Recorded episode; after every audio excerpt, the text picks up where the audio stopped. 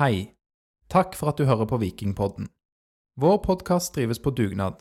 Alt vårt innhold er gratis, og vi har en del utgifter knytta til podkasten. Du kan derfor støtte podden ved å vippse et valgfritt beløp til Vikingpodden, vips nummer 765728. Takk til alle som bidrar.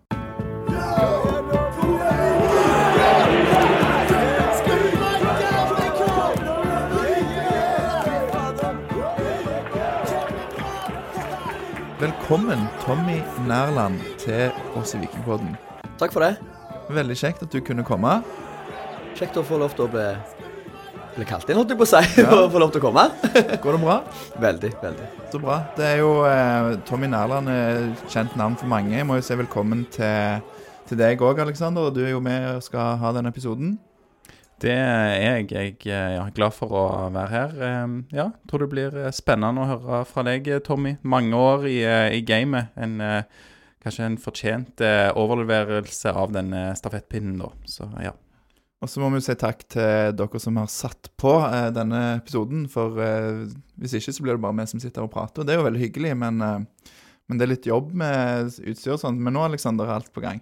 Nå er alt på gang. Vi kjører jo eh, fire opptak i parallell og sånne ting. eh, Bare blant annet for å sikre oss. Vi har jo brent oss litt før da, at noen Ja. ja, ikke tar opp og sånn. Så nå har vi backup, tror jeg. Så episoden bør bli lagt ut på et eller annet tidspunkt. Ja. Men eh, hvorfor er Tommy gjest, um, Aleksander? Ja, skal jeg svare på det? Ja, eller Jeg- kanskje Tommy Ja, Nærland jeg kan kan svare sjøl. ja, Tommy Nærland, vi hvorfor er spiller du det rett over til deg. hos Nei, oss. eh, jeg regner jo med dere vil høre litt om livet som eh, capo de siste elleve åra. Ja. Eh, hvorfor jeg gjør meg og sånt. Eh, som jeg sa før vi gikk på her, så er det litt sånn spesielt å sitte her og skal snakke om seg sjøl. Jeg er jo vant med å smelle litt mot Viking og gjerne litt eh, anglofile og litt sånne ting. Så det, det blir litt sånn merkelig å sitte og snakke om seg sjøl, men eh, vi skal komme gjennom det òg, tror jeg. Ja, Det blir jo mest fokus på deg. Du skal få lov til å smelle litt og melde litt og sånn hvis du ønsker. Det, det er egentlig litt opp til deg, men vi har fått en del lytterspørsmål, og det er jo det som på en måte er våre rammer, da. Og um, ja, kanskje en grei sånn overskrift er spørsmålet fra Andreas Gausdal Johannessen, som heter Sindjoha på Twitter. Hvorfor gir du deg nå, og hva bringer framtiden? Og det er det vi på en måte skal få svar på i løpet av episoden. Dette er episode 158 av Vikingpodden, og um, ja. Så håper vi, Tommy, at du uh, har noen gode historier du kan komme med, og um, ja, det rett og slett en liten hyllestepisode da til deg som en eh, hva skal en si, sentral figur og kjent personlighet eh, på stadion gjennom eh, flere år. Så det er veldig, veldig kjekt at du er. Så har vi noen overskrifter. Hvem er Tommy, og hva er egentlig en capo? Eh, og så har vi litt om tiden din som capo, og hva skjer videre. Eh, veldig Det er hovedkategorien, ja. Mm. Men skal vi ta bare litt sånn bakgrunn da om deg, eh, Tommy. Altså, eh, hvem er du? Eh, du kan jo få lov å si hvor gammel du er, men det er valgfritt. Og ja, hvor kommer du fra, og hvor bor du, og ja. Mm. Jeg, eh, jeg er fra Sandnes, som mange andre vikingsupportere. Eh, 32 år. Eh, begynte å gå på stadion i 1999. Det var vel eh, helst Norge-Brasil 98-kampen som fotballfrelste meg, egentlig. Og så tok far meg med på Viking Bryne eh, i 1999, da. Eh, Husker du hvordan den kampen gikk i 1999? jeg tror det ble 1-1. Og jeg lurer på om det var den kampen der han eh, Stokkeland eh, satt igjen på do når, eh, når eh, andre omgang starta, og dommeren blåste i gang kampen. Var de ti mann på banen da? Ja, det Bryne var det. Jeg mener det, Så Jeg mener det var den kampen der. Så det, det, Så det ble minneverdig på en annen måte enn Norge-Brasil? det ble det. Ja. Det ble det. Så eh, far min er ikke spesielt fotballinteressert. eh, Ikke mor mi heller, så de vet ikke helt hvor jeg har det fra. Men eh, far tok meg iallfall med på, på vikingkamper. da. Heldigvis så var det Viking han valgte, og ikke, ikke Ulf eller Bryne eller noe sånt. Det, det er godt å høre. Hva heter faren din? Øystein heter han. Øystein. Takk, Øystein, for bidraget ditt. Du tok med Tommy på kamp i 1999. Ja. Nei, og så ellers så var det jo da Viking som var laget. Um, og fikk meg sesongkort i 2005 på det nye stadion. Så det gikk noen år der. Det var jo første året under Roy Hogson, da vi var i Uefa-cupen som det het den gangen. Jeg var verken på Chelsea-kampen eller noen sånn cupfinaler eller noe sånt. Jeg husker jeg så disse kampene på storskjerm i Austråthallen, faktisk. Oh, ja, Eh, mm. Så det gjorde jeg. Det er jo sikkert en kul opplevelse, det òg, da. Ja da, det var ikke fullt så gøy mot Odd, men det var sinnssykt kjekt mot Bryne. 2001, da var du eh, ti år eller noe sånt? Ja, det var vel ti år, da. Ja. Mm. Mm, kult. Nei, og så ble det ja sesongkort. eh, 2005, ja. Det var jo veldig kjekk sesong. Um, 2006, da fikk jeg meg sesongkort i Hordene. Det var jo ikke så gøy sesong, men det var en sinnssyk avslutning. Eh, den kjenner vi jo alle. Og så For våre yngre lyttere, vi kan bare ta det. Det var siste kampen mot Brann, og vi måtte vinne med veldig mange mål for å unngå nedrykk. Vi var vel òg avhengig av resultater i Odd-kampen eller Start. Jeg tror det var Odd, ja, fordi de endte jo opp med å få kvalik. Ja. Så og spilte mot Bryne. Så det hadde blitt kunne blitt kvalikkamp mot Bryne, og det hadde ikke vært så festlig. Vi vet hvordan det hadde gått. Det altså.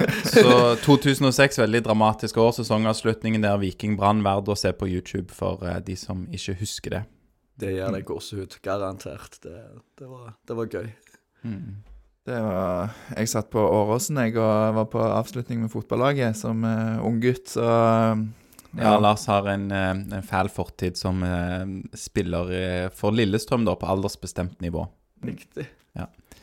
Så ja, det var ikke ditt valg, Lars, så det går helt fint. Ja, takk.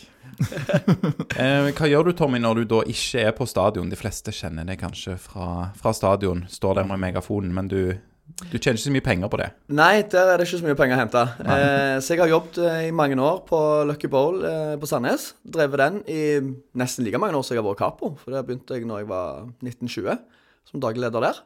Mens nå i mai i fjor så tok jeg over Beverly og er daglig leder, daglig leder der. Og det trives jeg utrolig godt med. Det er mye jobb, men mye energi og mye kjekt å gjøre. Så Det er jo kult. Det er jo en institusjon du er en del av. det er jo det. Ja. Og så er det jo Vikingpuben i byen. Eh, så det å få legge til rette for vikingsupportere og sånt eh, gjennom kampdag og etter, etter kampene og sånt, syns jeg er veldig kjekt. Og spesielt nå i sommer når vi hadde disse europacupkampene. Da hadde vi fullstappa uteservering foran hver kamp. og det var en vanvittig stemning i byen da, altså. Og det har jeg savna litt, for det er mange år siden vi hadde en skikkelig pubkultur i byen. Det var tilbake til året jeg begynte selv å gå på Beverly, gjerne i 2008-2009, hvor jeg visste at jeg måtte komme inn der i halv to-tida for å få plass. Nå kan jeg komme dinglende kvart over fire, liksom, og der er, masse plass. Så det Du litt kjekt. føler det på vei tilbake nå? Ja, jeg føler det. Så jeg håper at det, det kan komme seg etter hvert. Vi ser jo hva vi får til på bortekamper. Da er det mye Viking Oslo som skal ha creden for det, hva de har fått til med pubkultur der. Men eh, det hjelper òg på hjemme i Stavanger at det, det er god pubkultur når vi reiser borte. At vi kan få til noe her òg. Det er bra. Og så um, tenker jeg vi må få svar på dette spørsmålet. Vi bruker det, har brukt ord allerede, capo. Og uh, jeg driver litt med musikk, og i musikkens verden er jo capo en sånn bøyle eller som du fester på gitaren. Men det er jo åpenbart at det er ikke du. Nei, det er jeg ikke. Så hva er egentlig en capo? En capo det kommer jo fra um, ultrasbegrep fra Italia, der, der uh, en mann står med ryggen til banen i samtlige 90 minutter, med en megafon eller uten megafon, med en mikrofon eller uten mikrofon, og, og skal hause opp da resten av uh, gjengen, da. Eh, med å dra i gang sanger, med å fyre opp energien hvis det er litt tamt. Gjerne kjefte litt av og til, fordi folk har stilt seg på det feltet for at de skal bidra. Det er gjerne billigere sesongkort, billigere billetter. Det er, det er en tanke rundt at står du på feltet vårt, så skal du bidra med å synge og hoppe og gjøre det du får beskjed om av meg som capo. Mm. Eh, så mitt, eh, mitt hovedansvar er jo å holde feltet i gang gjennom de 90 minuttene, og ikke la det dø ut. og Ja. Så en slags ekstremvariant av dirigent, kanskje? Ja, jeg så det var Rogalands Avis som skrev det, at det var en annen form for å ha et eh, voldsomt stort, eh, stort eh, korps foran seg, eller hva jeg skrev for noe. For, for det er din bakgrunn, er det ikke det? Fra Ja, korpsbevegelsen? absolutt. ja. Det har jeg vært innom. Klarinett og alt mulig. Ja, det er godt å høre. Det er veldig bra. Ja, ehm, men, du var allerede litt eh, inne på det med å, med å kjefte på de anglofile og sånne ting, at det er lett å melde de tingene. Og Dag Idar Jøssang eh, lurer på Twitter hva lag heier du på i England? Jeg har jo fortalt det før, at eh, jeg vokste jo opp med å få en Manchester United-drakt, jeg òg. Så jeg sprang rundt i det når jeg var liten. Jeg har vært eh, flere ganger over i England og sett det. Blant annet Manchester United-Liverpool har jeg vært på et år. Det var vel i 2011, tror jeg. Våg over og så en bortekamp mot Birmingham. Eh, ja, det vil jeg ha vært på i England. Har det gått bra for United når du har vært og sett de da? Ja, De vant vel mot Liverpool. De vant vel 2-1. Tror Cheestung Park skårte 2-1-målet. Han er jo en utrolig kul spiller. Han er en fin spiller, ja. Han likte jeg. Jeg husker det. Den mestvinnende asiatiske spilleren, fotballspilleren gjennom tidene, tror jeg. Stemmer. Ja, Men det var vel litt bakgrunn for å få merket der borte, at de henta han i CT United. Det kan jo være, men han var god Han òg. var god òg. Ja. Nei, og Birmingham, der ble det vel 1-1, husker jeg. Birmingham skåret helt på slutten. Og så var jeg vel òg på Boxing Day mot om det var Southampton eller Sunderland, jeg husker ikke helt. Så, så nei da, det var en opplevelse, det òg. Men eh, det, til slutt så bare ble det for mye penger og kommersialisering og alt dette her at det, det tok bare vekk hele gleden. Og så ga det meg mer og mer med Viking lokalt. At det var jo mye nærmere, mye nærmere hjertet. mye nærmere, altså Det var jo lokalt i, i byen her. Mm. Så det ble, det ble Det gikk bare vekk for meg, alt det der med engelske fotballen. Jeg syns det ble liksom så falskt. og det var jo ingenting jeg hadde egentlig noe med å gjøre. Det var jo bare der borte. Og jeg heide på United fordi alle andre heide på United. Så Så hvis du må velge nå da mellom å se en eh, Premier League-kamp i godstolen eller å flytte ett tonn med sand, er du nærmere det tonnet med sand, eller? jeg er nok nærmere det tonnet med sand, altså. Jeg er det. Hadde lagd et beachparty nede på Beverly, tror jeg, med det tonnet der. Ja, det er godt å høre. Ja. Det er bra. Så kan du ha eh, en god podkast på Eira mens du gjør det. Det kan jeg. Du kan høre på Vikingpodden. Det er bra. Takk. Der spiller du han god, Lars. Ja. Ja. Nei, eh, men, men fortsette litt, eh, litt for å bli litt eh, bedre kjent med deg, Tommy. Og så skal du bare svare det du syns er rett på disse fem kjappe som kommer nå. Og Vi begynner med en klassiker. Pizza eller taco? Pizza. Ferie med kultur, museum og byliv eller stranda i Syden? Stranda i Syden. Solarium eller ekte vare? Solarium. Eh, bortekamp i Norge eller storkamp i Italia? Eh, Bortekamp i Norge. Vinne Obos eller ta en fjerdeplass i eliten? Nei, det blir fjerdeplass i eliten. Og en liten bonus. Eh, Beverly eller den nye stadionpuben? Nå skal jeg jo styre begge to, så det er jo stygt å komme med. Så Nei, men jeg liker meg jo best på Beverly. Jeg gjør jo det. Mm. Eh, Hva blir din rolle i den nye stadionpuben, da? Nå tar jeg over driften der fra, fra i år. Um, så nå tenker vi oss å få litt gang på den, håper jeg. Samkjøre den litt med, med Beverly. Eh, få gjerne folk til å komme litt tidligere inn til byen først. Og så eh, sette opp noe buss eller båt ut til, ut til puben da et par timer før kamp, og så kjøre opp noe lignende der. Um, Kult, det, Så det er samme eierskap, liksom? Samme som driver Ja. Mm. Stemmer det. Så det er jo Rekom som eier den og Beverly, da, så et dansk, dansk selskap som eier flere uteplasser i, i Stavanger. da. Mm. Spennende. Ja. Når, hva er tidslinjen på stadionpuben? Er den liksom fra sesongstart nå, eller?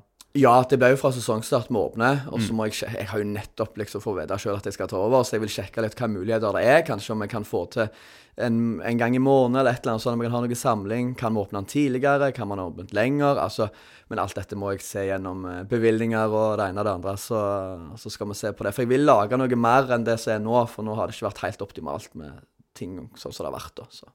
Kult, det er veldig spennende. Dette var et uh, lytterspørsmål fra Simen Utvik Inderhaug, så har vi tatt det. Og han sier òg for øvrig at du vil bli savna, Tommy. Men han gleder seg til stadionpub, ser det ut til, da. Fantastisk. Velkommen. Ja. Um, det er jo sånn at vi stiller ofte fotballspillere og for så vidt òg trenere om de, de stiller de spørsmål om de har noen store forbilder. Har du et Capo-forbilde? Det er det Knut Husdal som spør om på Twitter. Nei, jeg har ikke noe, en spesiell person jeg eh, har sett etter. Men jeg er veldig glad i å reise til Tyskland for eksempel, og se fotballkamper. Eller, jeg ser egentlig ikke så mye fotballkamper, jeg sitter helst og ser på supportertribunen. Mm. Så der lærer jeg mye, og ser hvordan de opptrer. Eh, var jo, nå var jeg jo senest i Italia i forrige uke, det er jo ikke Tyskland da, men det, der var jeg jo på AC Milan mot Roma, og det var jo ekstremt å se hvordan de holdt på der. Og der var det litt eldre menn som var capo, da, sånn som vi kjenner det i Norge. Så det er gjerne litt yngre som er- capo. Mens i Italia så er det mer 40-50-åringer gjerne som står der og hauser det opp. Så, så um, jeg ser nok mer på helheten når jeg er der nede, og hvordan en capo oppfører seg. Men jeg, nei, jeg har ikke en, en, en, en person å, å se på. Kanskje om jeg så litt gjerne på Eh, på kjernen, eh, spesielt de første åra med han megafonmannen som var der oppe, og hvordan han fikk det til. Men Ja, ikke noe sånn spesielt, nei. Men da hører vi òg at eh, du nå tar en pause, og så kommer du tilbake når du er sånn 40-50, eller ikke? Ja, ja, nei, det har endra seg her oppe òg, så når jeg får gang på den puben, så, så går det noen år, så, så er jeg back in business. Det er godt å høre. Du, du kjenner kanskje Knut Husdal, som har eh, stilt dette spørsmålet? Vet hvem han er, ja. Kjenner han kjenner han litt. Gjør det. Han sier òg eh, 'gi ham en klem fra meg'. Så det tenker jeg, det skal jeg eh, gjøre nå. Er du klar for en sånn klem eh, fra to- Knut Husdal via meg? Det skal vi ordne. Ja, det er bra.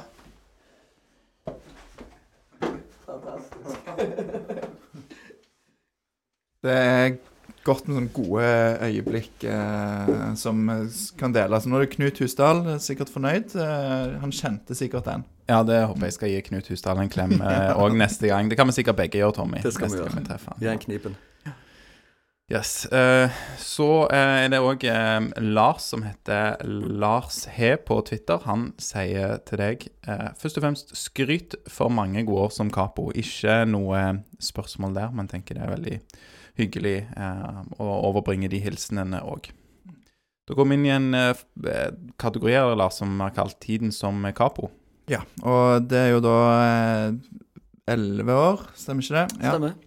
Eh, Andreas Gausdal Johannessen og Stine Woster lurer på hvorfor du gir deg nå.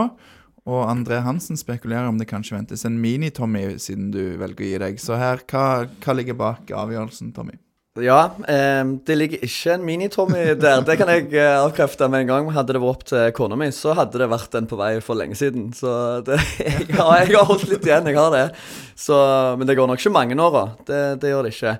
Men eh, nei, altså, jeg gir meg litt fordi at det har jo vært elleve år. Det er lenge, altså, å stå der, og det tar sinnssykt mye energi. Eh, Det er greit å stå der i glansdagene hvor det er fullstappa nå som i sommer, med, med 1200 stykker på feltet og eh, cupfinale og liksom når Viking leverer. Men å stå der i høst med tape hjemme mot Sandefjord eller Mjøndalen eller hvem du spiller mot, og der er 3000 på stadion og glissen, det, det tar mye energi, altså. Så jeg kjente litt på den, at det var liksom litt tilbake der. Eh, men så er det òg mye har det å si med at eh, nye jobben, rett og slett. At uh, den tar mye, mye tid, energi. Uh, og jeg er en sånn person som uh, går 100% inn for ting. Hvis det er 95, det er ikke vits, liksom. Da, da legger det heller vekk. Um, og da har jeg bare kjent liksom, på motivasjonen utover høsten at eh, det kan være greit å si det til noen som er litt mer motiverte enn meg, for at feltet òg skal, skal fortsette å utvikle seg. For du er avhengig av å ha en person der framme som virkelig vil deg hver eneste kamp. Jeg har ikke fått like mye tid til å være med på bortekamper. Til og med ikke Grimstad klarte jeg å få til i høst. Så siste bortekamp var vel, eh, var vel Haugesund i sommer. Og klart, før reiste jeg jo på hver eneste bortekamp. Jeg hadde gjerne 29-30 kamper hver sesong i mange år. Eh, så det òg ser jeg jo at jeg har ikke like mye tid til. Så nå tenker jeg jo at jeg har lyst til å få til dette som jeg var inne på med pubkulturen i byen, kanskje. Prøve å så få noe i gang på det heller. Mm. Eh, Nå føler jeg vi har fått til feltet ganske bra. At det ligger til rette for at det kan utvikle seg videre. Så Ja. Så det er ikke bare at uh, det gikk dårligere med Viking høst som er uh, Nei. Nei, da hadde jeg gitt meg for mange år siden. For de fleste år jeg har stått der, har Viking vært dritdårlige. Så, så det var bare gevinsten min som kom til slutt, med cupfinale, opprykk og noen gode år. Det, det var det. Ja, det, det er bra. Døra. Så vil vi jo si at det er jo det som er kult, og det som er viktig òg for Viking, er jo at uh, man drar i forskjellige spor, da, bare reft dette med, med pubkultur. Og vi har jo òg en eh, misjon eh, om å, å, at vår podkast bidrar til at uh, flere folk fra hele byen og regionen går på, på stadion. Og mange drar uh, Ja, gjør uh, små og store ting, og det er kult. Så, så virker det jo på, ut ifra både de folka vi kjenner, og den responsen som vi har sett, så virker det jo som folk synes det er leit at du gir deg, så det må jo òg være en sånn god følelse at det ikke er noen sånn konflikter eller krangling som, eh, som gjør det, da. At det, det er god stemning. Det er veldig kjekt å lese alt. Det er helt utrolig. Jeg trodde ikke det betydde så mye. Eh, Det var sånn som en kompis sa til meg, jeg lurte snart på om det var, var minnestund i domkirka i Stavanger. Liksom. Det var så, fikk så mye fine ord, eh, om jeg fortjente dette her. Så det, nei, det, det har vært helt utrolig å lese. Utrolig kjekt. Og det er jo altså elleve år. Det er helt sykt. Jeg, mener, jeg hadde ikke liksom tallfesta det før vi hørte du skulle gi deg, men eh, ja, det, det er sykt, og tiden flyr. Men tenk å holde ut det så lenge. Ja. Og det er jo en altså du, Som min søster, en kjent personlighet. For jeg husker òg når jeg var gikk på stadion, da kjente jeg deg jo ikke. Jeg satt stort sett på i svingen, men eh, da òg visste jeg jo hvem du var. sant? Hadde sett deg eh, gjerne i typisk bilde i avisa eller på TV, eller, eh, eller bare på stadion. Så, så det er jo mange som kanskje vet hvem du er, Mm. som, eh, uten at de kjenner deg. Syns du han så litt eh, skummel ut, Lars? Kanskje når jeg, var, når jeg var helt uh, ung Du var jo du mye eldre enn meg. Ja, Tommy er tre år eldre enn Lars, bare Ja. for å si det. Ja. Så da Kanskje i begynnelsen, men, uh, men nå har jeg jo blitt litt kjent med deg, og du er jo en grei kar, du òg. Ikke så galen. Er ikke så galen. nei da, det, det er bra. Men uh, Andreas, uh, som heter GJBFGJKB på Twitter, han lurer på hva er ditt beste vikingminne? Jeg har vært litt inne på noe allerede, men uh... Ja, altså det er jo vanskelig med tanke på Det ble jo lett å tenke de siste åra, sånn som det har vært. Altså, cupfinalen var jo ekstreme. Det å få bare, ikke, bare kampen, men det å få lov til å gå først opp der på scenen i Spektrum og åpne det, liksom, og si 'gi meg en ved', og få det enorme responsen som det var. Det var jo helt enormt. Videre på Rockefeller etterpå. Det var liksom oppladningen der. Eh, så var det jo selvfølgelig Ullevål. Det enorme trøkket vi lagde der sammen. Altså, Da var det jo langsidefolk samla seg jo på kortsida med oss, og alle sang. Det var jo det var helt ekstremt. Jeg hadde aldri opplevd noe sånt før, liksom. Så eh, det var jo en drøm.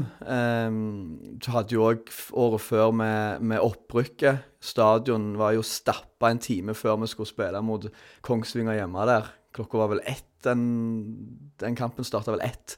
Så var vi stappa klokka tolv. Enorm stemning. Eh, der vi, der vi mm, sprang på banen etter kampen og ja, storma banen. Ekstremt kjekt. Og feltet begynte liksom da Altså, vi, vi tok jo en liten eh, fot i bakken når Viking rykte ned og fikk samla kreftene i Stavanger, liksom. Og Viking begynte å levere i Obos. Vi fikk mer og mer folk på feltet. Eh, så har du jo i år med, med Europa, hvor vi liksom er 1200 stykker på feltet. Det var helt ekstremt. Det, den kommer til å sitte lenge. Eh, det er jo noe vi har drømt om i alle år, snakket om den blå veggen vi skal få til. Eh, vi er ikke helt i mål ennå, men eh, vi er på vei. Nå har de jo fått safe standing på, på den andre delen på feltet òg, så, så vi håper jo at det skal fortsette å, å vokse. Men det trøkket vi hadde i sommer, det er det sykeste jeg har vært på noen gang. Det var, det var enormt. Eh, før det hadde vi jo selvfølgelig noen kamper her og der hvor det var veldig bra. Var nede i Kristiansand, husker jeg, i 2015. Eh, hele eh, svingen der var fullt av vikingsupportere. Og husker Roar, han som var leder i Horden, var i Amsterdam den helga, og han angrer seg den dag i dag fordi at det var så ekstremt god stemning. Så det var Jo da, det var dødt i mange år, eh, men vi var veldig gode på bortebane. Vi fikk det bare ikke til helt hjemme. Så vi liksom finne den nøkkelen til å få, få det til hjemme. For borte var det veldig bra. Vi leverte gang på gang. Men til slutt så fant vi nøkkelen til hjemme òg, da. Og, og det i seg sjøl, at vi fikk til, fikk til supporterkultur i Stavanger, er jo gjerne det største. Eh, og 16. mai, hvor jeg fikk lov til å gå ut på banen i år med mikrofon og, og få hele stadion med på å hoppe, var jo helt ekstremt. Altså, ja, det har vært mye gøy. Det er noen minner eh, for livet, og du skal sikkert skape noen flere òg, men ja. Men hvordan, hvordan var det der med 16. mai, bare for å ta det siste der først? Eh, var- det du som bare sendte melding til Kjartan og sa nå må Eller hvordan eh, skjedde det?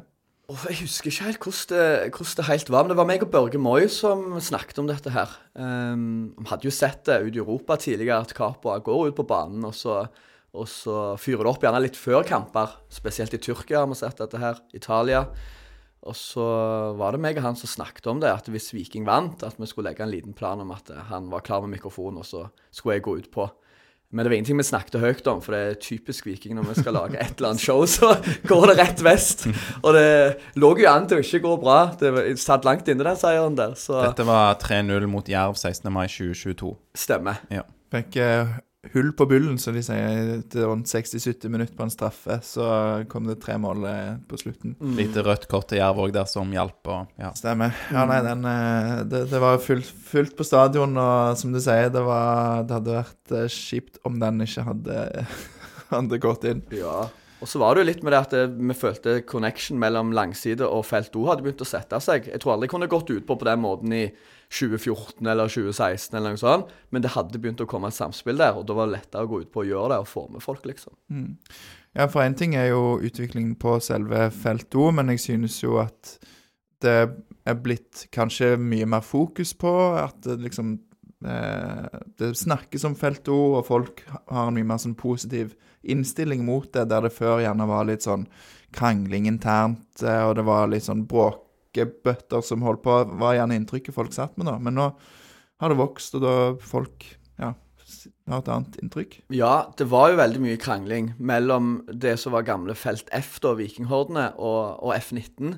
Det er jo en lang historie, det har de vært eh, mye inne på i podkasten til Felt O videre. Men der var det veldig sterke personligheter som kjempa litt mot hverandre. og F-19 sto på ene sida av stadion, og Hordene sto på andre sida. Og det var jo egentlig bare tull og vas alt sammen. Og det er klart jo, dette ble jo skittkasting i sosiale medier osv. Så, videre, så folk folk tok jo bare avstand til det og syntes det var barnslig. Og jeg ser jo det utenfra at det, det, så jo helt dust ut, rett og slett. Så jeg er veldig glad for at uh, det har lagt seg, og det samarbeides nå. Og det er klart, da vil jo de som sitter på langsida òg ha mer tilknytning til, til et felto som, som, som, er positivt for Viking. Uh, og er lettere med da, hvis vi har lyst til å ha dem med på Gjemingen V, eller hvem er det beste laget, eller, ja, og sånt. Mm. Så, så, det kommer jo naturlig etter hvert, da. Ja.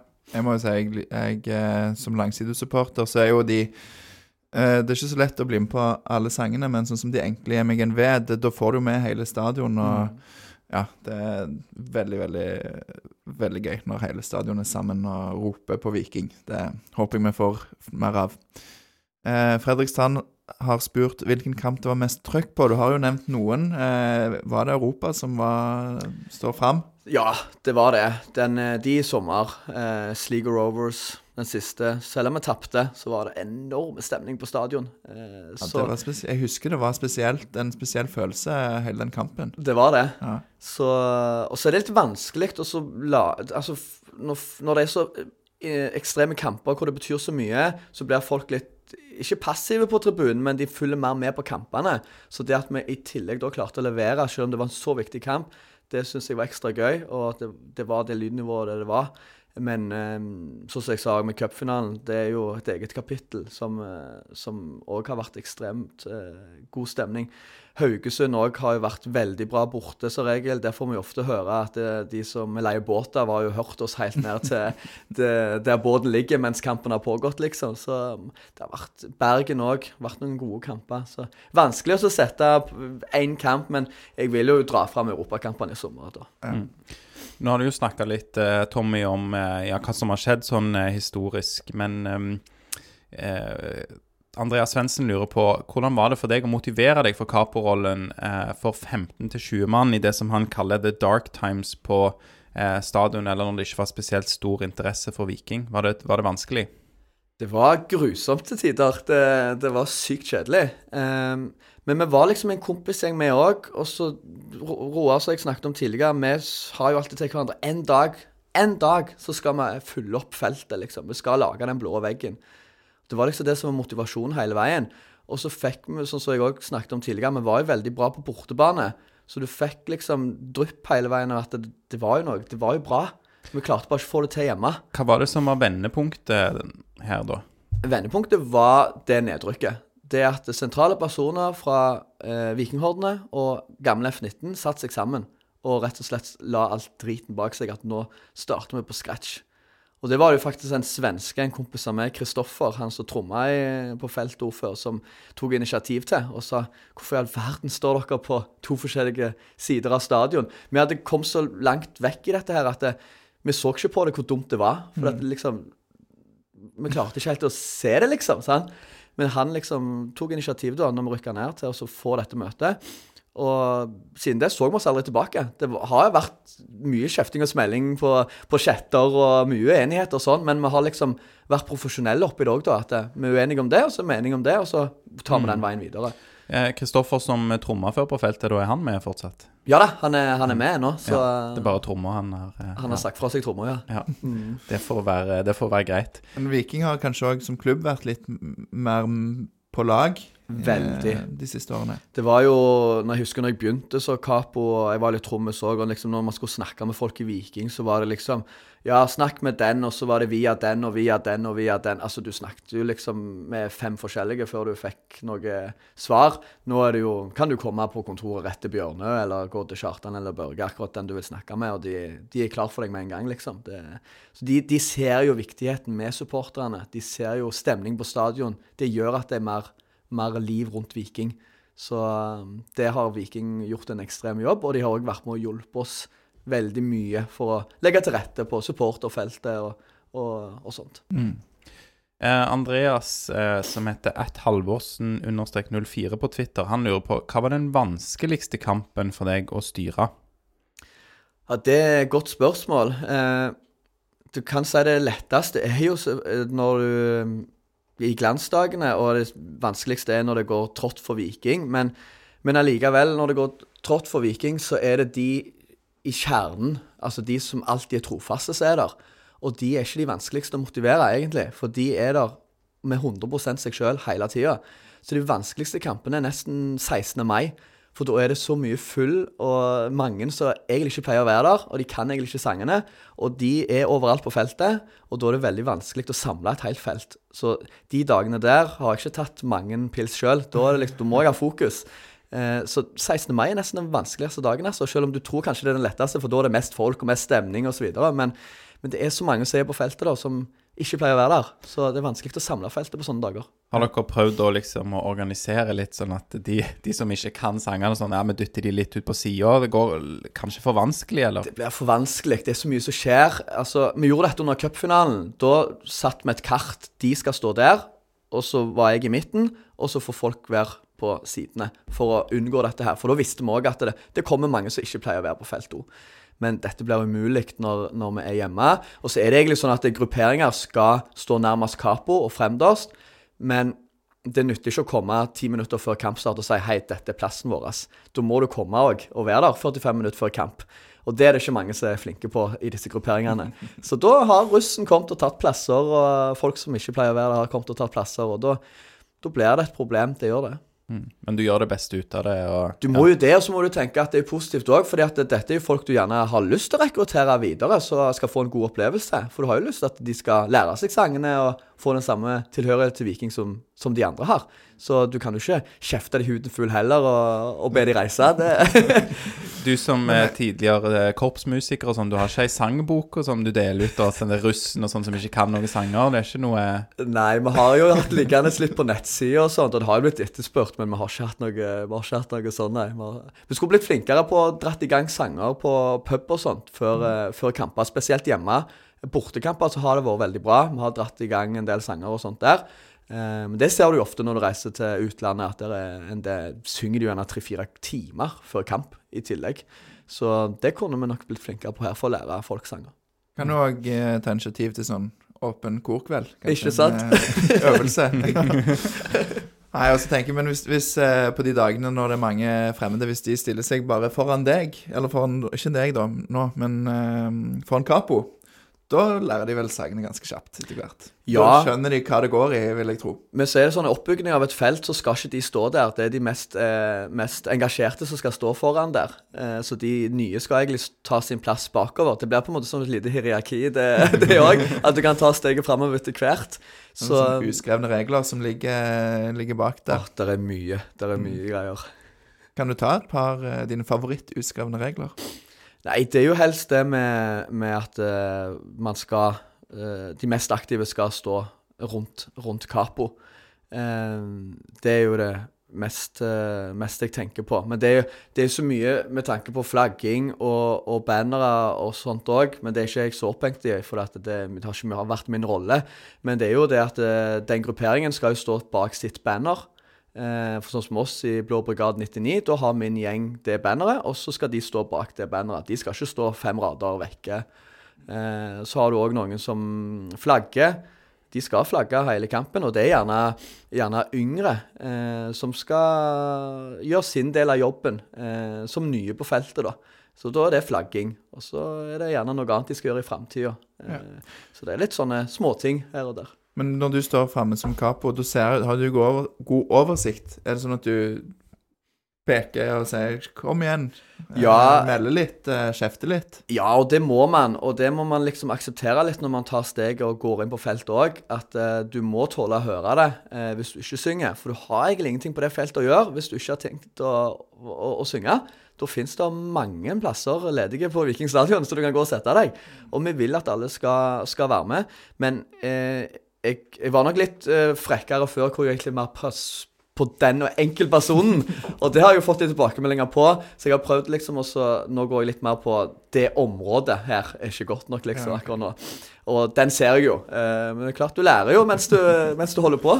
Ja. Så det var gjerne litt stygt, men, men eh, men- men man skal tåle å høre litt når, når man er på det feltet. Eh, det skal man. Man vil, det, det handler jo om hvordan det ser ut òg. Det ser jo dumt ut hvis vi holder på alle hopper med, eh, hopper med ryggen til banen, og så står det fem stykker én plass og ikke gidder å gjøre det. Så Mm. ødelegger det, liksom. Så Det er der du har kanskje litt utfordring, spesielt på bortebane, da, når Oddmund på 75 endelig får se Viking og er litt vond i beina, så, så kommer Tommy opp i ansiktet og skriker. Men der har vi òg innrettet oss litt at OK, nå er vi bortebane. Vi kan faktisk ikke forvente at alle bidrar som vi gjør på hjemmebane. Men der òg har vi hatt fokus på at eh, de mest aktive, felt O, og de som vil synge, skal være inne i midten og rundt Capo. Og så skal de som ikke vil være med like mye å synge og bidra, de får være litt mer ut på kantene. Og der har vi òg vært flinke til å gått og gitt beskjed til de som gjerne har stått Vi mener du står nok litt for nærme enn det du kanskje bidrar med, og så gått og gitt beskjed at her blir det gjerne mye pyro og mye flagging og mye spetakkel, så kanskje det er best at du trekker deg og litt på sida. Og det syns folk er veldig fint at vi gir beskjed om. Så Du nevnte jo, Tommy, at eh, du er med i det som heter Blå brigade 99, eh, men at du begynte i Vikinghordene. Eh, så det betyr da at du har hatt en reise gjennom to supportergrupperinger, eller har det vært mer, eller? Nei, altså, jeg er både med i Blå brigade 99, Vikinghordene og Felt O. Altså det, det er liksom bare Felt O er jo paraplyen for hele, mm, hele feltet. Der eh, alle grupperingene er under Felt O. Og så har vi Vikinghordene, som er den største supportergrupperingen på, på um, Felt O.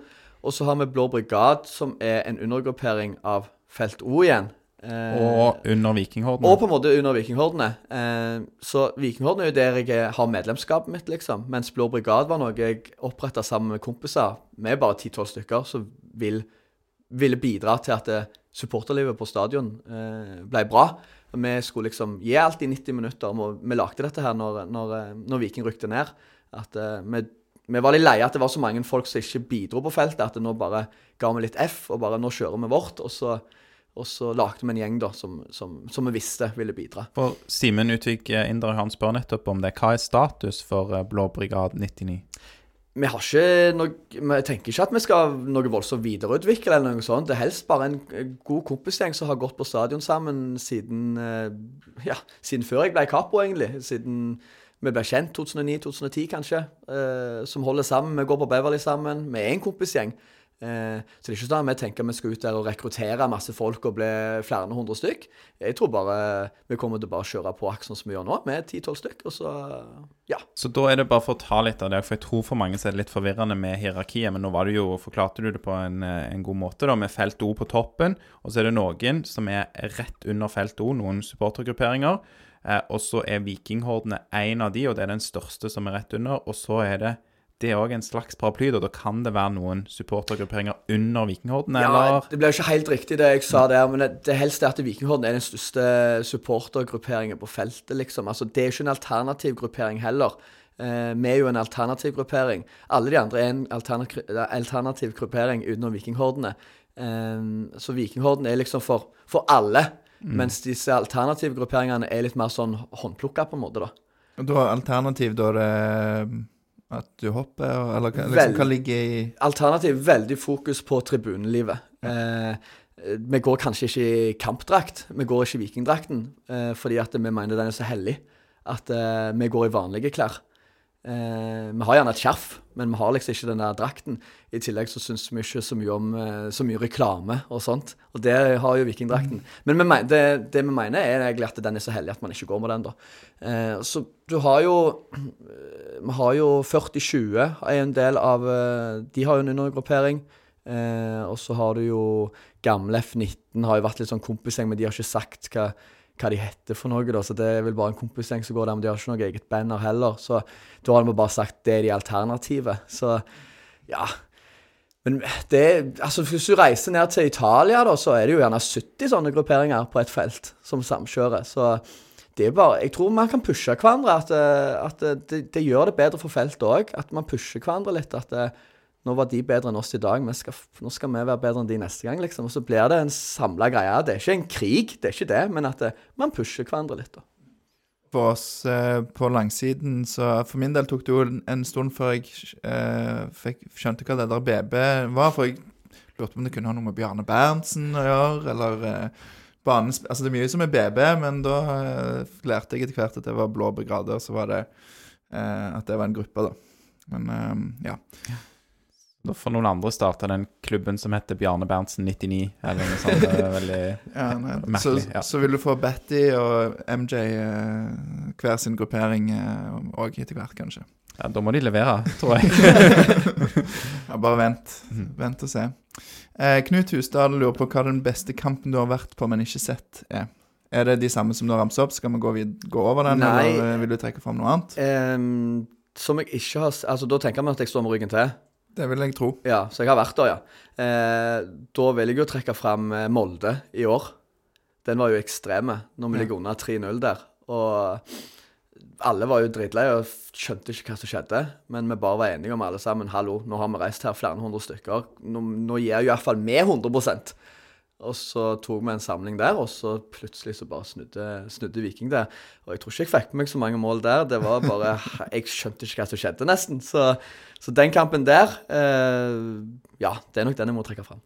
Da hadde du styr på hvor mange mål lagene hadde, eller var det òg vanskelig? Å... Ja, det var Jeg, jeg sleit jo litt. Eh, jeg skjønte ikke hvor mange mål som rant inn engang, men jeg, skjønte når vi hadde 3-3 og 4-3 der. Da ja, jeg skjønte hva som skjedde. og så ser jeg jo, leser jo veldig mye på folk, det har jeg lært meg.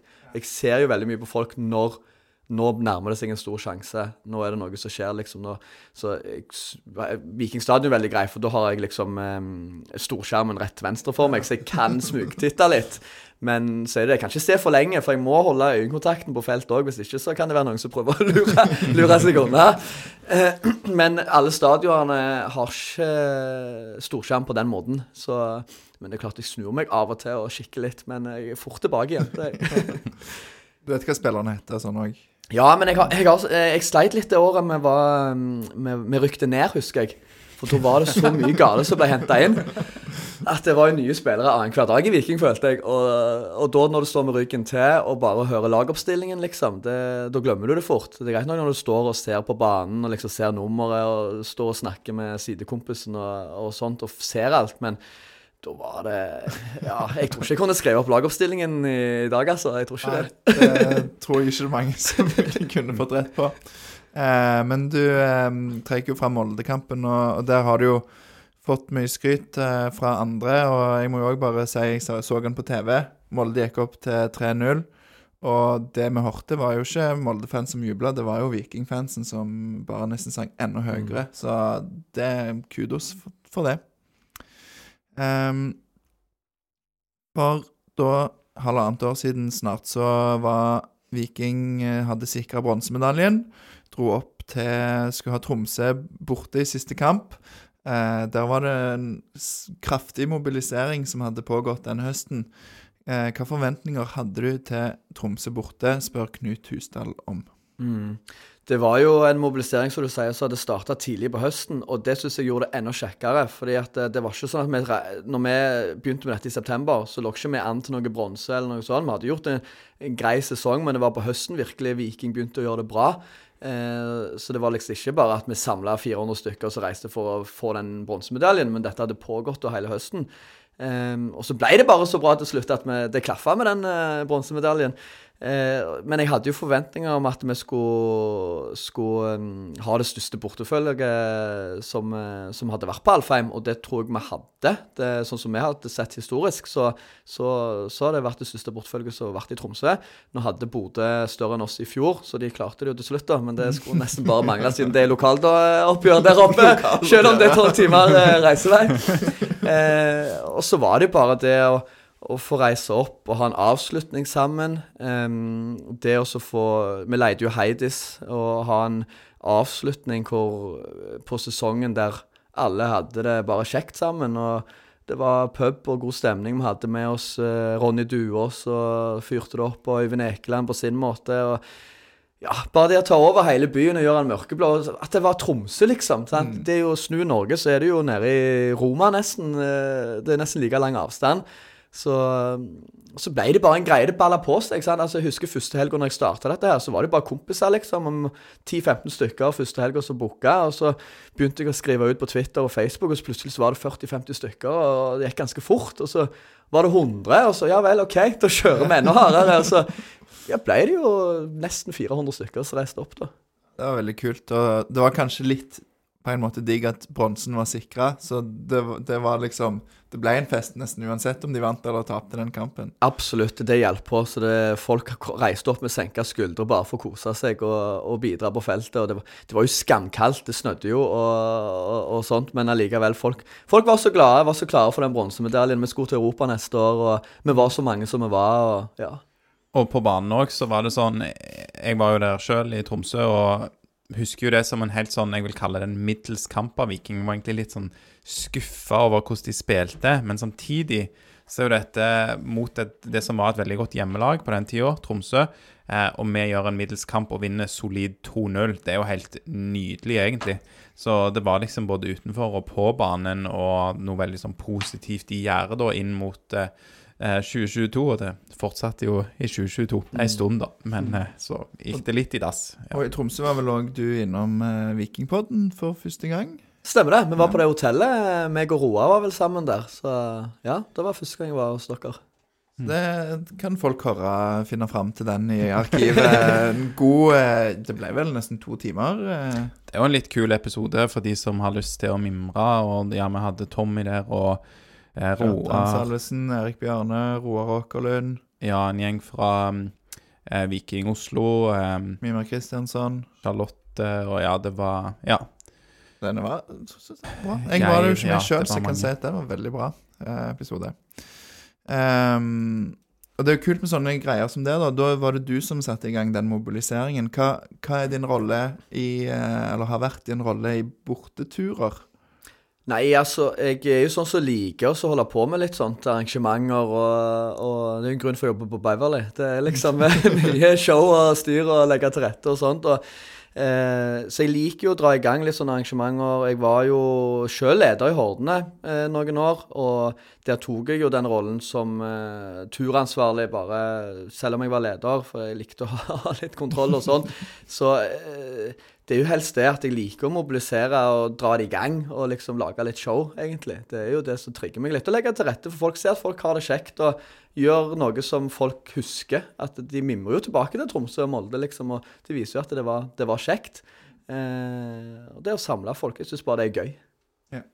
Og det er ikke noe formelt som ligger i kaperollen, det er bare din personlige kraft. Det gjør, det gjør nok litt lettere når du er capo og gjerne er liksom det trynet som stikker seg frem, liksom. Og at du, du får med litt folk lettere på den måten. Men det er ikke noe sånn at pga. jeg er capo, så derfor skal jeg gjøre det. Det, det er det ikke.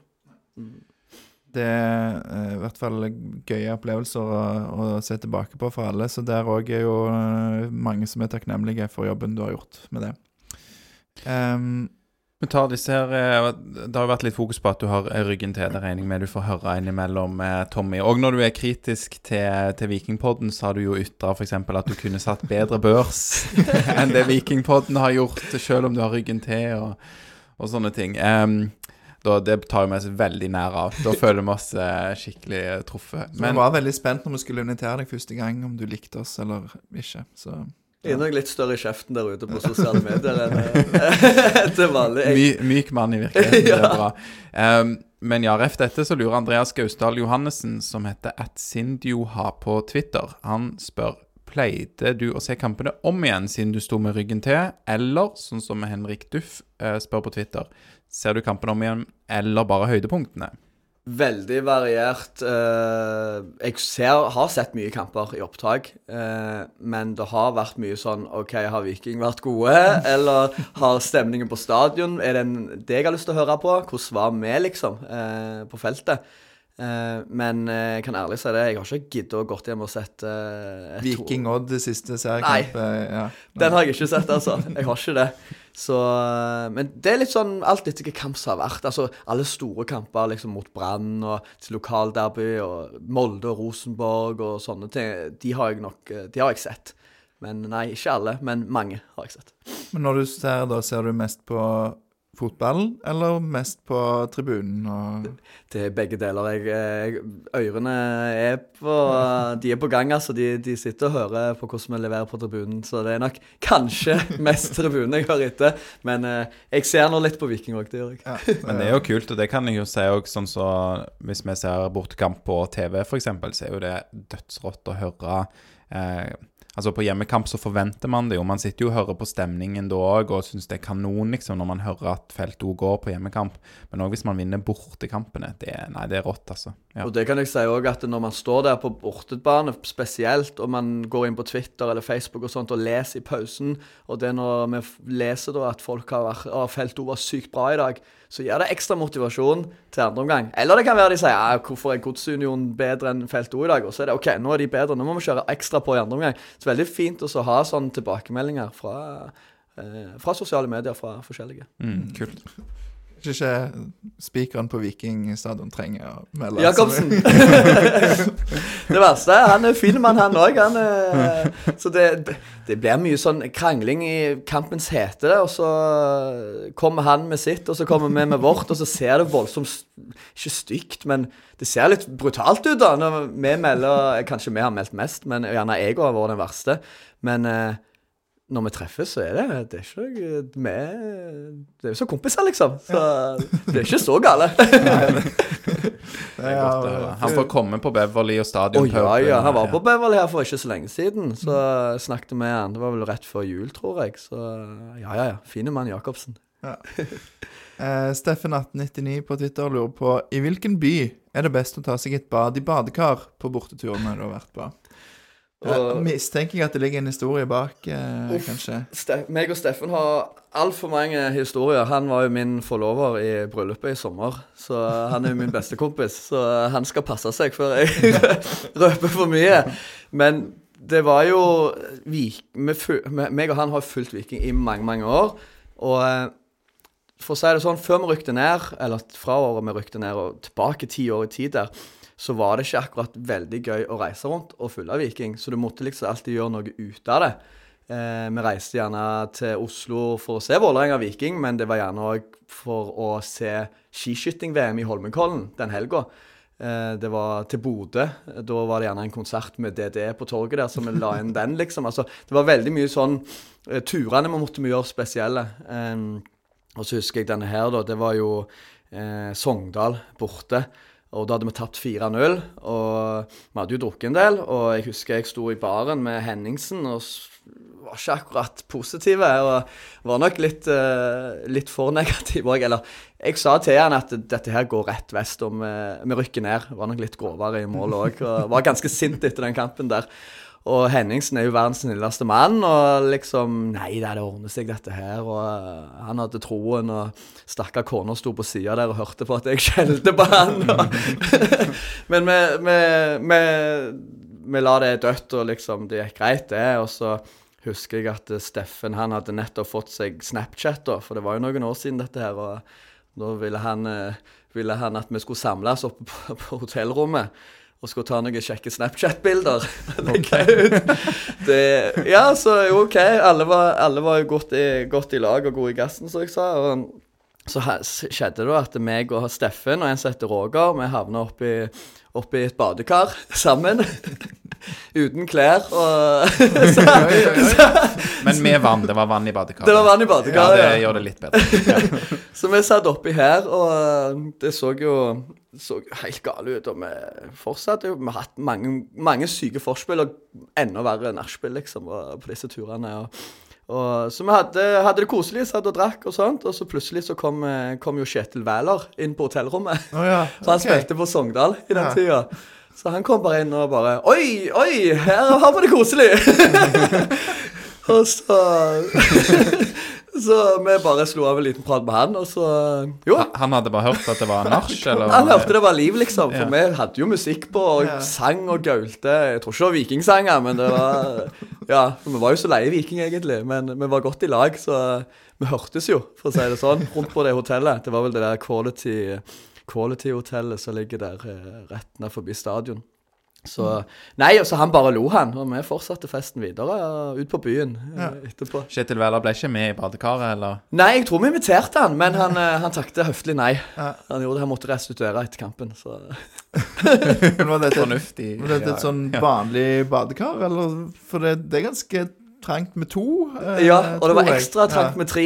Og dette var et vanlig sånn eh, Det var ikke sånn trekantbadekar, nei. Det boble, boblebad, det var det ikke. Det var et vanlig, tynt eh. Ble, det noen gode sånne snap-bilder fra det badekaret da? Jeg har liggende noe på eh, Jeg klarer ikke å finne fram nå, men jeg skal se om jeg kanskje klarer å virke de opp, så jeg skal få sendt Ja, Du får gjøre det, for vi trenger litt god promotering av denne episoden. Ja. Så det, det tror jeg eh, Jeg skal prøve å lete opp de bildene der, for jeg vet jeg har noe liggende. Ja. Det er bra. Eh, det blir jo noen historier gjennom årene, Tommy, og, dette er jo en av de som er gode på podkast. Jeg har noen andre som gjør seg på podkast. Det er sikkert en del som ikke lar seg fortelle, men eh, Uff, ja, det er mye gale. Det, det er jo selvfølgelig mye alkohol inni dette her når du, når du reiser rundt. og det er jo bare det samholdet man får med folk som man aldri trodde man skulle bli kjent med, egentlig. For når folk setter seg på en buss eller reiser på en bortekamp sammen, så, så blir det et samhold. At å, du heier på Viking, og begynner å snakke med de, og det er gjerne folk du aldri hadde snakket med, snakket med hvis ikke. Så du blir kjent med sykt mange uh, kjekke folk. Jeg har jo fått bestekompiser oppi dette, Altså, så som Roar skrev på Twitter f.eks. At uh, vi møttes jo på feltet, og i dag så er vi jo uh, bestekompiser, liksom.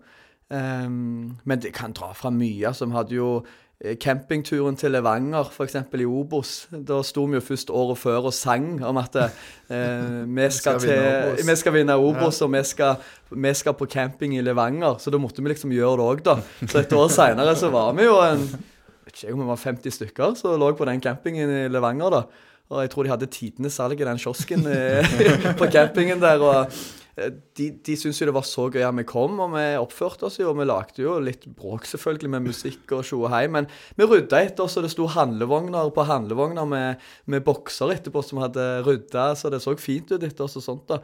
Um, så det å bare reise rundt og, og sette litt stemning og være seg sjøl og bare ha det fett med andre som liker Viking, det, det er sykt kjekt. Så det er absolutt å. Det trenger ikke bare å være Bergen og Haugesund og Kristiansand der alle reiser, men prøv en tur der nesten ingen har hatt planer om å reise. Det er da du liksom får møtt litt nye folk og stifta litt bekjentskap. og lage. Sligo, for eksempel. For eksempel. Det er ikke sikkert, du hadde kanskje ikke dratt dit hvis ikke Eller vi hadde ikke dratt dit hvis vi ikke hadde vært med Viking. Så, Sant. Ja. Absolutt. Da slag for Sligo kjapt. Det var en fin by, var det ikke? Vet du hva, jeg var der ikke. Du var der ikke, jeg var nei. der ikke. Jeg, eh, da hadde jeg liksom nettopp begynt på Beverly, og sommeren på Beverly er ganske ekstreme. Så jeg var ikke på noen europacupkamper. Og jeg har snakket om disse europacupkampene i alle år, at jeg skal på alt når vi, når vi kommer der. Og så reiser jeg ikke på en eneste. Så det Vi får håpe på en reprise, da. At du får en ny mulighet til, til Sligo. Det er et kult, kult sted å dra og se en kamp, tror jeg, selv om de ikke skulle spille mot Viking. Eh, så ja. Men eh, et sted du har vært, det er i eh, Tyskland, eh, Tommy. For vi har fått et innspill fra en som heter Roar. Han eh, lurer på Be ham utrede om VIP-kjørefelt på motorveien i Tyskland. Å ja. VIP, ja. Ja, jeg fikk noen fartsbøter der, ja. Det var, vi var på Schalke mot eh, Ingolstadt, var det vel. Meg og Roar og gamle Vikinghordene-lederen Geir Inge og et par stykker fra styret. Jeg trodde jo det var et sånn forbikjøringsfelt, jeg. Så jeg suste jo av gårde. Og i Tyskland så er det jo autobane, så jeg tenker OK, der er jo bare å gasse på. Men jeg tror faktisk dette var i Nederland. For at så, Ja, for der er det litt mer fartsgrenser. Ja. Og, ja. og så var det et sånn utrykningsfelt, og, så det var to-tre fartsbøter som kom, kom i posten på 200-300 euro per stykk når vi kom hjem. ja, det er ikke så bra. Ja, den er litt, uh, litt lei. Ble det, måtte jobbe litt overtid og sånn da på å hente deg inn på Lucky Bowl? Eller Ja, jeg måtte det, altså. Men så var det litt Roar sin feil òg at jeg, eh, at jeg um, kjørte i disse feltene. Fordi at han hadde stått kvelden før og, og kjefta en kebabfyr huden full for at han skulle ha pepperoni på pizzaen. Og det som Roar ikke visste, var at pepperoni er jo um, Altså, det er pepper, liksom. Det er ren pepper som de hiver på, på pizzaen. Så han var så gående i magen, han, dagen etterpå. Så han måtte jo sitte nesten på, på badering i, i bilen og måtte stoppe på hver eneste bensinstasjon. Og men det, hva han sa det var rett før han stappet en kronis opp i Og det var så vondt. Så du måtte liksom kjøre fort for å komme fram da, mellom toalettstoppene? Ja, så han, fra bensinstasjon til bensinstasjon. ja, så det, så det er litt hans skyld òg at jeg fikk disse verdensmøtene. Men det er greit, han kan spille det over på meg. Men, eh, men eh, han satt mye i bilen og maste at han måtte på do. Ble det noe spleising på fartbøter, eller måtte du ta det? Oh, jeg husker faktisk ikke det. Det er, det er noen år siden dette her, så jeg husker ikke helt hvordan vi gjorde det. Men uh, god historie, det òg. Absolutt. Eh, eh, siste innspill her fra Roar er òg be ham fortelle om overtenning før Brynekampen for noen år siden. Ja, ja, stemmer. Det var jo en cupkamp, det. I um, Var vel året vi var i Obos? Var det det vi møtte Bryne? Jeg husker ikke om jeg var 2018 da. Ja, jeg lurer på om det var det. Vi tapte vel, som vanlig, mot, eh, mot Bryne. Men da var jeg så gira og hadde gått tidlig fra jobb. og Klokka var vel ett, og kampen skulle spille seks. Og mm, havna ut på Brynja, på Crazy, eller hva det heter, og forspill. Og jeg drakk og drakk og drakk og drakk. Og drakk og drakk. Og ja, jeg ble altfor full. Det var, det var krise, liksom. Ble kasta ut seks-syv ganger. Allikevel klarte å snike meg inn gang på gang. Og hver gang hadde jeg stått med to nye øl i hånda, eller to nye Jeger Red Bull. Revet ned på lamper og alt mulig. Det var jo helt krise. Men vi kom oss på stadion, og, og mange spurte jo sånn Ja, klarer Tommy å være capo i dag? Går dette her bra? Og Roar bare Ja, ja, ja, jeg har sett han mye verre enn det. dette klarer han. Og, nei, og så kampen gikk sin gang, og jeg var på feltet, og jeg var som capo, og det gikk jo. Så eh, det var ikke mange som merka at jeg hadde, var så berusa. For jeg, jeg har klart ofte Det er liksom den der når du kommer hjem fra byen, og så er du ganske berusa, og så er gjerne har du bodd hjemme, da, og så foreldrene dine våkne. Da klarer du en liten bryter som klarer å skru deg på at nå må du skjerpe deg. Så jeg tror den har slått inn et par ganger. At nå, nå må du ta deg sammen, liksom. Og dagen etterpå, den var Uff, Ja. de, de blir verre og verre med året, iallfall. Det kan jeg si. Nei da. Nei, men eh, det høres ut som eh, du har opplevd mye, og det jeg lurer på før vi går videre på liksom det som ligger foran, ser vi tilbake, er det noe du angrer på? Eller ville gjort annerledes? Jeg er ikke så god på å angre på ting, altså. Eh, Eller hvis du skulle gitt et råd til deg sjøl for elleve år siden, da? Da er det jo iallfall dette her med krangelen vi hadde sammen med F-19. Tenker jeg at det skulle vært unngått. Eh, der var jeg jo med sjøl og var delaktig, eh, som hordene. Eh, men så, igjen, da, som vi har snakket om, så kan det være noe, det som ble positivt til slutt. At det er ikke sikkert det feltet hadde vært det det var i dag hvis det ikke var for den krangelen. Men det var iallfall noen sure, kjedelige år hvor det var mye krangling og drit. Men vi, vi var der igjen, da. Vi var der jo for Viking, og det var jo det som holdt oss der. Så, men det skulle jo vært unngått, selvfølgelig. Men eh, ellers så er det ikke noe jeg kommer på. Jeg er ikke sånn veldig person som angrer. Det, tenker, tenker ikke så mye over sånne ting, faktisk. Men eh, nei. Nei, Det er vel eh, lurt å legge ting bak seg. Selvfølgelig, eh, hvis man ja, gjør noe dumt eller kunne gjort noe annerledes, så bør en jo ta tak i det der og da. Men eh, skal dvele ved alle feilene en har gjort, så kan det bli tungt. Ja, jeg føler det har vi vært flinke på. Jeg skulle, altså Det har jo vært krangling. Jeg har jo krangla med Roar, liksom, og, men vi ble jo kompiser igjen. Jeg skulle gjerne vært utenom Jeg har jo krangla med Børge Moi. Det, den, den skjems jeg litt for. Det, eh, det var jo før en 16. mai. Det var vel òg når vi var i Obos, hvor han og han skulle hive inn eh, Vikstøl og NT Furdal, var det vel, på feltet med en eller annen sånn Julius-sang. Og da var det voldsom shitcasting eh, det ble ut av på sosiale medier. Og jeg skrev noe jeg ikke skulle ha skrevet, og Børge Moi skrev noen meldinger han ikke skulle skrevet tilbake. Og, men så ordna vi òg opp, og så i dag er vi kjempekompiser. Så, Ja. så det skulle jeg gjerne vært foruten, men for det òg var en greie. Men eh, Og det er jo Dette- sikkert en sånn situasjon der det egentlig er i hvert fall gode intensjoner, antar jeg, fra, fra Børges side. Mm. Så ja, Det er jo det det er. Det, begge elsker Viking. Begge vil alt godt. Begge eh, har et voldsomt engasjement, og så bare gnistrer det. Og så går det en kule varmt, og så gjør vi litt dumme ting. Og så, men som sagt, i dag så er det jo ingen, eh, ingen stress i det hele tatt. Så. Lære av det. Mm. Og Børge Moy Nilsen eh, er jo da salgssjef i Viking, så jeg tror vi har snakket om han før i podden, men det er ikke sikkert alle kjenner han. Han har sikkert òg en del gode historier som kunne, han kunne fortalt. Garantert. Eh, Men nå er du ferdig som capo, og du går inn i en ny fase som supporter. Eh, Knut Hustad lurer på hvordan skal du delta framover eh, på stadion? Du har jo snakket om pubkulturen, men jeg regner ikke med du forsvinner helt fra kampene? Nei, altså det som er tanken nå, er jo egentlig å sette denne puben det første året. Og da tror jeg nok jeg må være litt der nede for å se at ting går bra, og lage det til sånn som jeg ønsker. Ehm, men jeg skal være på feltet. Absolutt. Det skal jeg. Eh, men om de første kampene blir 90 minutter eller ikke, det er jeg usikker på. Men eh, det er der jeg skal være. Jeg skal være på felt O. Jeg skal jo være med min gjeng i Blå brigade og kompisgjengen der.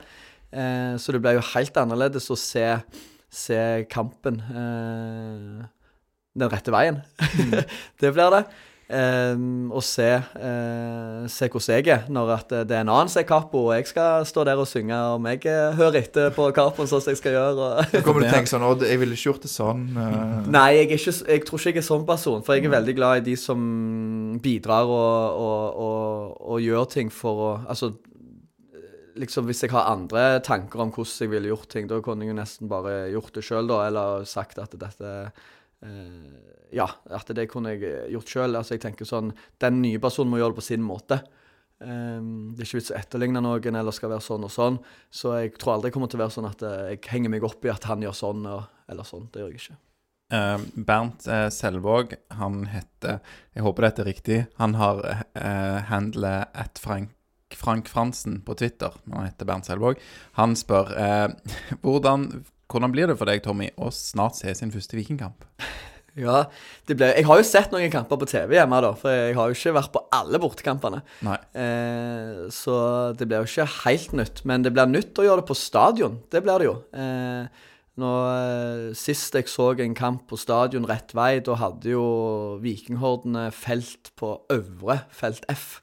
Sant? Så det er ganske mange år siden. Det, vi gikk jo ned til nedre og flytta over. altså så det, det, det er ganske mange år siden, så det blir eh, veldig spesielt. Eh, men jeg gleder meg. Jeg, eh, kan jeg òg stå og snakke litt skit med kompiser og sånt imellom. Og, ja, og det er liksom å, å ja, være en del av de andre. og ja, Det er jo noen kamper jeg hadde tenkt sånn åh, jeg har lyst til å bare stå med kompisgjengen i dag, men jeg må på det der med platået, liksom.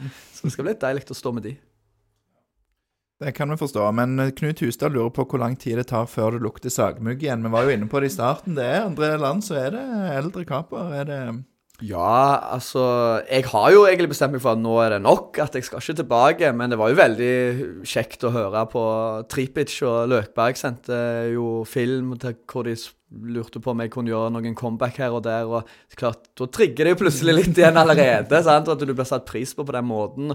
Og all, all, eh, all positive tilbakemeldinger som som har vært nå eh, på sosiale medier og meldinger og telefoner og i aviser der. og sånt, Det er klart det, det gjør sånn at det er jo litt sånn Kanskje man vil tilbake en dag, men jeg har egentlig bestemt meg for å slutte. Men nå er det den puben i første omgang, og så får vi se hvordan den går. Og så får vi se om, om noen år. Altså, men nå er det han nye Rune som skal, skal ha full fokus og, og backe han, og så skal han holde på så lenge han har lyst. Så. Mm. eh, Hva ser du på som utfordringer for, eh, for felt O framover? Eller eh, ja. Ja, altså Jeg håper at alle kan samarbeide ehm, godt igjen. Eh, det har jo vært litt eh, Ikke gjerne ute i sosiale medier, men det har jo vært litt uenigheter uh, det siste året. Jeg håper at det kan få lagt seg og bare samle hele feltet igjen. Jeg hadde jo noen situasjoner her i, under den Bryne-kampen f.eks., der flere har reagert litt og sånt, men at det, alt dette kan få roe seg, og så blir det samla. Eh, og så er det veldig sånn i Stavanger at du, du må um, Viking må levere eh, for at feltet òg skal fylles. Eh, men det var òg noe vi var, var på jakt etter. At jeg visste det, at den dagen vi klarer å fylle feltet, da skal vi klare å holde de der. Vi trengte bare folka. For før òg Vi sang alltid 90 minutter, men, men vi hadde jo ikke folka til det. Vi sto bare 20-30 stykker der. Men nå var vi 1200, så nå er kanskje eh, På dårlige dager har vi 400-500. Før var det 20-30, mens på de gode dagene så er det oppi 1000, da. Eh, så det å holde på folk Vi er nødt for å eh, bli bedre på den sosiale biten, tror jeg. Og der kommer pubkulturen inn i bildet. At vi ikke bare kommer på stadion og synger 90 minutter og kjefter på hverandre hvis vi ikke synger godt nok. At det er noe rundt det hele. Det tror jeg kan hjelpe. Og ellers er det Jeg tror òg bare fortsette som før. Vi er på riktig spor. Uh, selv om uh, utenfra så tror jeg det kan se litt hardt ut uh, på sosiale medier, sånne ting vi melder. Uh, det snakket vi òg før, før, vi gikk på, at det, det, er veldig hardt det som meldes mange ganger. Men det, det, er, det er, snille gutter òg, dette her. Altså det, er bare voldsom lidenskap for Viking. Og så det å bli hørt, da går det gjerne litt, litt hardt for seg. Det, er nok sånn. ja. Dette med Viking Bryne, som du var inne på så vidt der, det var en eh, konflikt. Hvilken kamp var det, og hva gikk det på? Nei, det var jo mer dette banneret som ble stjålet, og så var det litt tumulter. Eh. Var det kvinnekamp, det? Nei, Nei det var Viking Bryne treningskamp. Treningskamp, ja. ja. Mm. Så at, da var det litt sånn uenigheter på, eh, på, feltet, liksom. At noen syntes det var for gale at dette skjedde, at det ble slåsskamp og, og sånt. Og så noen syntes at dette, dette er jo en del av den kulturen de ønsker å stå for. Og det er jo det feltet òg ønsker å være. at det skal være rom for flere kulturer. Det er ikke én måte å være supporter på.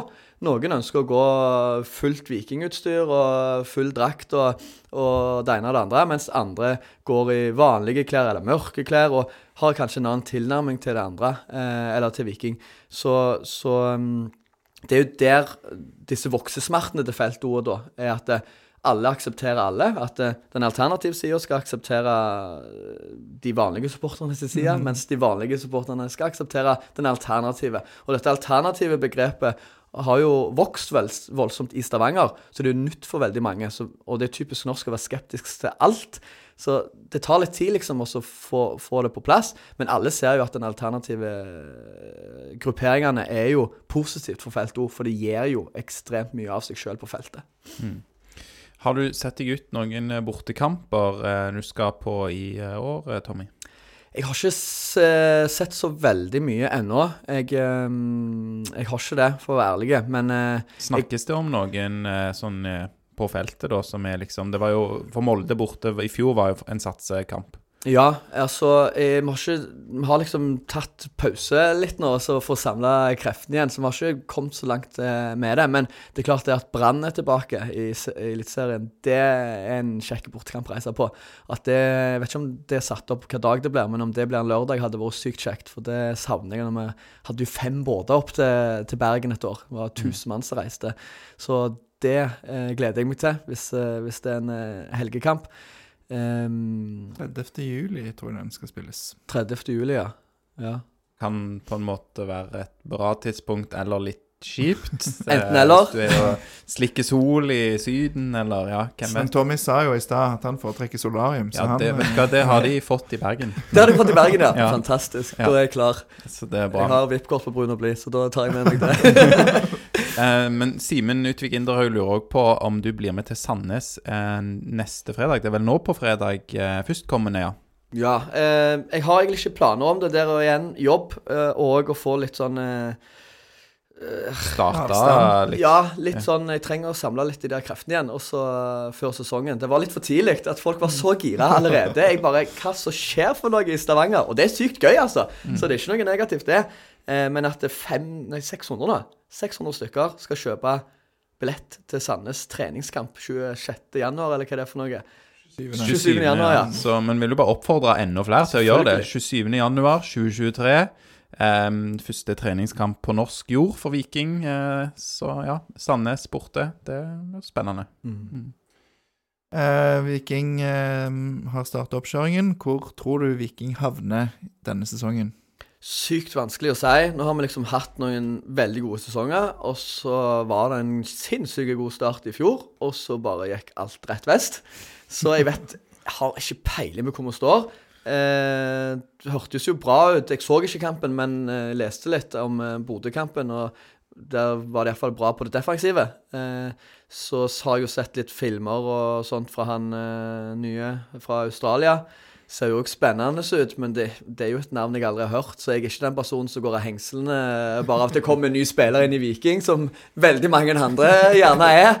Eh, så Uh, jeg vet ikke hva forhåpninger jeg har i år, jeg, altså, men det er jo typisk oss i Stavanger, uansett hvordan det har gått, at i år skal vi vinne gull. Det er jo liksom greit. Men der, vi er jo ikke der. Men, men, jeg tror ikke det går så dårlig som det gjorde i høst. Det, jeg tror vi, vi, finner veien tilbake. Vi skal opp der. Men å se Rosenborg, Molde, Bodø-Glimt det er egen kategori nå, altså. Iallfall med de spillersalgene og de kjøpene de kan gjøre. Ja.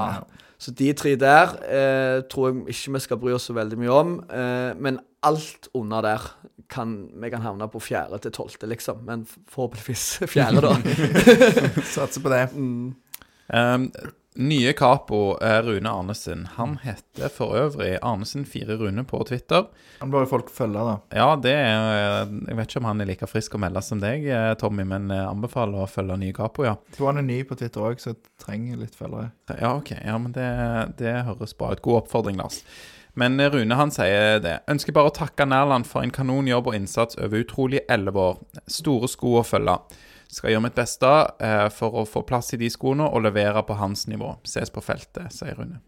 Veldig kjekt. Og han er jo en person som har vært i Hordene lenger enn meg. Han eh, var jo en, eh, en, person jeg så eh, Eller var aktiv og fremtredende person allerede når jeg begynte å gå der i 2005-2006. Eh, så når jeg har sagt til Rogalands Avis at jeg kjenner litt på alderen, og så kommer han som er mye eldre enn meg og skal ta over, tenkte jeg OK, ja vel. så, men han er skikkelig likende kar og har vært kar på et par kamper i sommer. Spesielt han var vel i Praha, han var vel i Sligo. Eh, par, var Grimstad. Ja, flere kamper jeg ikke var med på, så han eh, har prøvd seg litt allerede. Og så um, tror jeg at det er en kjempe, kjempebra. Jeg sa sjøl til Roar når jeg sa til han at jeg hadde lyst til å gi meg, at det var Arnesen uh, som bør ta over. The chosen one, rett og slett. The chosen one, ja. så, så, det er vi alle enige om, og alle grupperingene er enige om det. Uh, for han er godt likt sosialt og på feltet når han har vært capo. Så jeg har kjempetro på at han kan uh, ta den rollen videre. Så får vi se når de gråværsdagkampene kommer. Det, det, er da du får vist deg av eh, hvordan det er. Det, mm. Rune var for øvrig gjest hos eh, Felt O-podkast eh, i episode 105 tidligere denne uka, så det kan jo folk sjekke ut da, for å bli litt bedre kjent med han, for de som ikke kjenner han fra før. Uh, har du noen gode tips til Arnesen? ja, det Nei, han, han, er jo litt sånn som meg. Det er voldsomt mye energi, og han har veldig mye meninger. Så det kommer nok på Twitter, det òg. um, så jeg tror bare det at det å ha fokus på å holde feltet samla, er det aller viktigste. Han har respekten allerede. Uh, det har han, for han har vært der så lenge. Og det å står der, sånn som jeg sier, disse her kjedelige kampene når Viking er dårlig Eller ikke dårlige, de, når de er på normalt nivå. Når de, når de, når de ligger nede der og suller, og det er 4000 på tribunen, og står der de kampene For det er så mye sinnssykt mye du får igjen de, de kampene hvor det er gøy igjen, da, altså når det er fullstappa. Og du må ta de kampene for å få respekten fra alle. Det nytter ikke å bare komme de, de solværskampene og ikke, ikke, levere de kjedelige. Så det å stå der da, eh, det får du mye igjen for eh, den dagen der er stappa. Og jeg tror han må bare være seg sjøl. Han skal ikke Det er jo, skal ikke gjøre sånn og sånn fordi Tommy gjorde sånn og sånn. Det tror jeg er det viktigste. Bare være 100% seg sjøl, den han er, og så kommer han til å fikse dette med glans. Det er jeg sikker på. Mm. Mm. Det er bra. Da er vi vel eh, ganske igjennom. Eh, har et sånn Pleier til å spørre eh, Hvis du hadde hatt Tommy Nærland som gjest i din podkast, hva ville du spurt han om? Bare sånn tilfelle vi har glemt noe. Uh, nei, jeg har ikke peiling. Jeg, nei, jeg vet ikke hva jeg ville spurt han om, jeg, altså. Det Uh, nei, jeg har, jeg har, ikke noe jeg pleier å svare noe. Har de noe godt? nei, det var vel Thomas Pereira svarte at uh, hvorfor han var så sinnssykt god på et eller annet. Uh, det var vel det han mente at vi burde bli spurt om. Okay. Så du har ikke en eller annen kvalitet som du føler liksom Dette det vil jeg gjerne snakke litt om? Det har ikke kommet fram. Det må, det må, du, det må du, få fram. Jeg har en kvalitet at jeg, at jeg har jo Jeg føler jeg har et sinnssykt engasjement for det jeg går inn for. Det er liksom bare det at jeg er 100% bare. Det som jeg sa tidligere, det er ikke vits med 95% Det må være 100. Og det er liksom derfor jeg tror jeg har lykkes med å være capo òg, for det er 100 eh, Derfor jeg har lykkes med mange ting, fordi at det er liksom alltid 100 eh, Legger fra meg Kanskje det er litt stygt. Jeg var skamdårlig på skolen. Brydde meg jo ikke i det hele tatt. sant? Har jo ikke karakterer. Jeg brydde meg jo ikke. sant? Det er jo ikke bra, men det har jo lykkes med andre ting, da. sant? Så, så det er jo liksom det, det jeg er, da. All in. All in. Ja, det er bra. Jeg kom på en ting som jeg kan spørre om. Eh, hvis du kunne endre én regel sånn i norsk fotball, hva ville du endre da? Da er det jo vekk med Nå, nå skal vi i gang med det i år, da, men det er jo VAR, selvfølgelig. Ja. Det er jo kanskje litt kjedelig, men eh, det er jo det alle supportere, eller iallfall stående supportere, vil ha vekk. Det er jo VAR. Jeg er jo veldig skeptisk til dette. Og Så Alexander som elsker VAR du gjør det, ja? Nei, nå må jeg bare begynne å snakke også, så kameraet ser meg. Nei, jeg elsker ikke bare Jeg er jo òg Det eneste jeg kan si, da, er at jeg håper jo at det blir At andre har prøvd det ut, og det har vært så utrolig dumt, og at de please kan få til noe som er bedre enn det vi har sett eh, i Premier League sånn innledningsvis. Så jeg, jeg kan kunne liste opp eksempler på grusomme ting jeg føler jeg har sett som jeg ville unngått med VAR. Så jeg er Prøvde å spille opp til en diskusjon her, men Ja, eh, nei, må, jeg vet ikke, vi må få inn noen VAR-forkjempere. Jeg vet ikke hvem som er Det det. er ikke helt. så mange igjen av dem. ja, jeg, jeg skjønner jo motivasjonen for å få det mer eh, rettferdig, det kan jeg jo si. Men det tror jeg jo de aller fleste ønsker at det skal være rettferdig, og da er det jo det som alle pleier å si, at liksom, er det bra med mållinjeteknologi. Jeg syns det hadde vært kjempekult hvis noen utvikla en sånn automatisk offside-funksjon à la målle- à la mållinjeteknologi, sånn at man bare på et sekund fikk vite det var offside eller det var ikke offside, men det er jo veldig vanskelig, da. Så da blir det denne kjipe løsningen som tar altfor lang tid å stykke opp fotballen. Og hadde de hatt noen på øra som liksom fikk ti sekunder på seg til å hjelpe å vurdere, OK, så kanskje kunne det gått, men det tar jo Når man begynner å se tilleggstid, type sånn 8-10-12 minutter, eh, det er jo helt håpløst. du må ikke glemme at VAR i Norge skal bli ekstra bra fordi de har færre kamera.